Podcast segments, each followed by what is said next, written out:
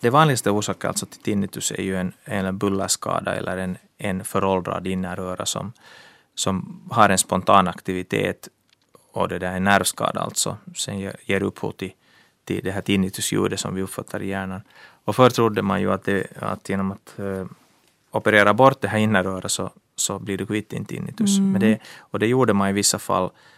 Och, och men så konstaterar man att det här tinnitusljudet fortsatte. Ja. Så att det där, egentligen var det för 20 år sedan först det var, det var en man som hette Jastrebov som la fram en sån här neurofysiologisk teori eller en modell, tinnitusmodell som efter det har allt mer vunnit terräng och förklarar liksom tinnitusen på ett, på ett riktigt sätt och, och på basen av den så har man skapat behandlingsprogram som har börjat verkligen fungera och gett patienter med tinnitus verklig hjälp.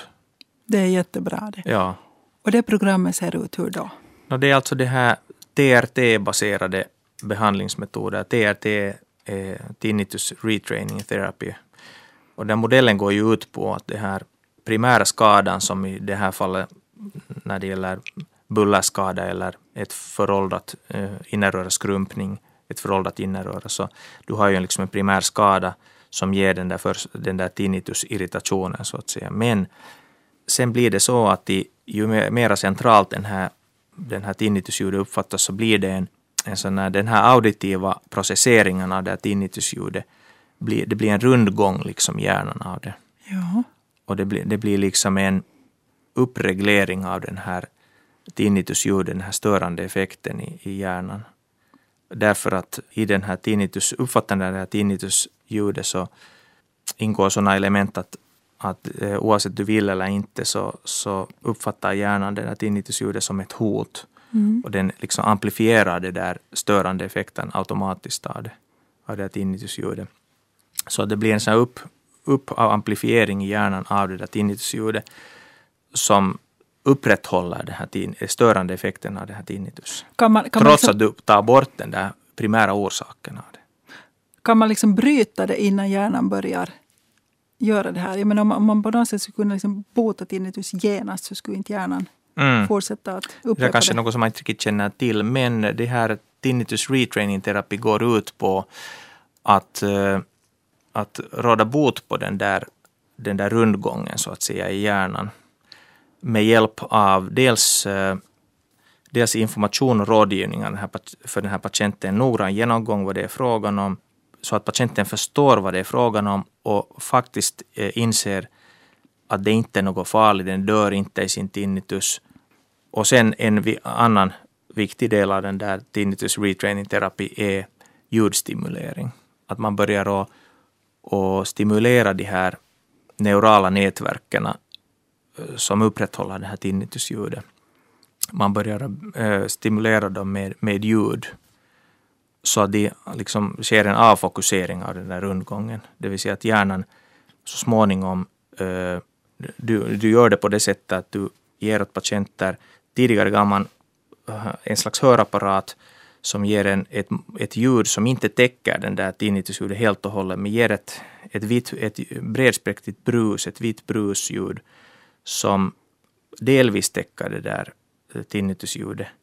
Och då, då omprogrammeras den där, de där neurala nätverken som upprätthåller den där rundgången till att avfokusera från eh, den där tinnitusen. Och den där störande effekten avtar. Och de, de går omkring med åtta timmar per dag med de där små hörapparaterna som ger det här brusljudet, kanske ett halvt år eller så. Och, och det här är liksom en central del av den där behandlingen. Det så det är liksom inte bara det att man inte ska märka det där. Man ska inte, det, alltså tidigare var det så här att man lärde sig att inte tänka på det ljudet. Men nu är det faktiskt så att hjärnan lär sig att inte ja, uppfatta nu, det. Nu det där utnyttjar man sådana liksom, saker som man inte kan med vilja påverka. Att du direkt påverkar de här, du omprogrammerar de här nätverken med ljudstimulering. Och vidare utveckling av den ljudstimuleringen använder naturljud till exempel havets brus eller så, som eh, är individuellt anpassade för var och en tinnituspatient eh, på ett visst sätt. Och de flesta har hjälp av det här? Det, det här, det här, det här TRT-terapin och dess eh, liksom varianter av den har gett jättegoda resultat. Att man, man säger att 80 procent av patienterna har en, har en liksom stor nytta av det. Att antingen avtar tinnitusen helt eller så avhjälps den eh, avsevärt. Nu är problemet bara att det finns få ställen som ger de här terapin. I Finland, mig veterligen, så, så ger bara Hörselförbundet de här terapierna som gruppterapier. De är ju ursprungligen menade som, som liksom individuella terapier. Mm. De här.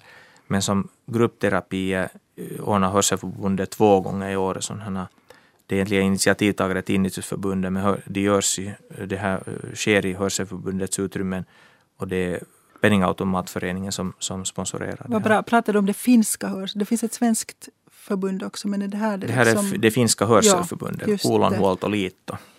Just det. Så det här är vad som, vad som erbjuds i Finland för tillfället ja. och det är väldigt knappt. Det. Så vad då får man inte på öronkliniken den här hjälpen? Uh, det finns, det ordnas då och då något tinnitusgrupper som använder sig av de här TRT-principerna, jo.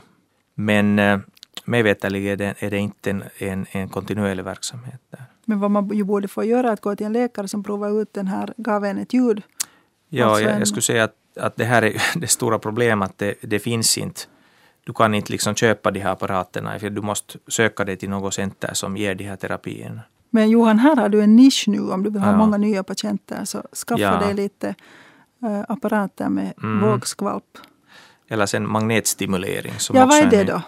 Den här transkraniella magnetstimuleringen, mm. det är en sån här ny, ny metod som inte, alltså det finns inte i Finland alls av den här metoden. Den är på, kan man säga på experimentell nivå på det sättet att den inte ännu i allmän användning liksom i världen, men att den har gett ett väldigt lovande resultat. Det är att man med hjälp av magnetfält, med magnetelektroder kan man säga, som sätts på huvudet, så depolariserar hjärnbarken på vissa områden som har med den här ljudprocesseringen att göra.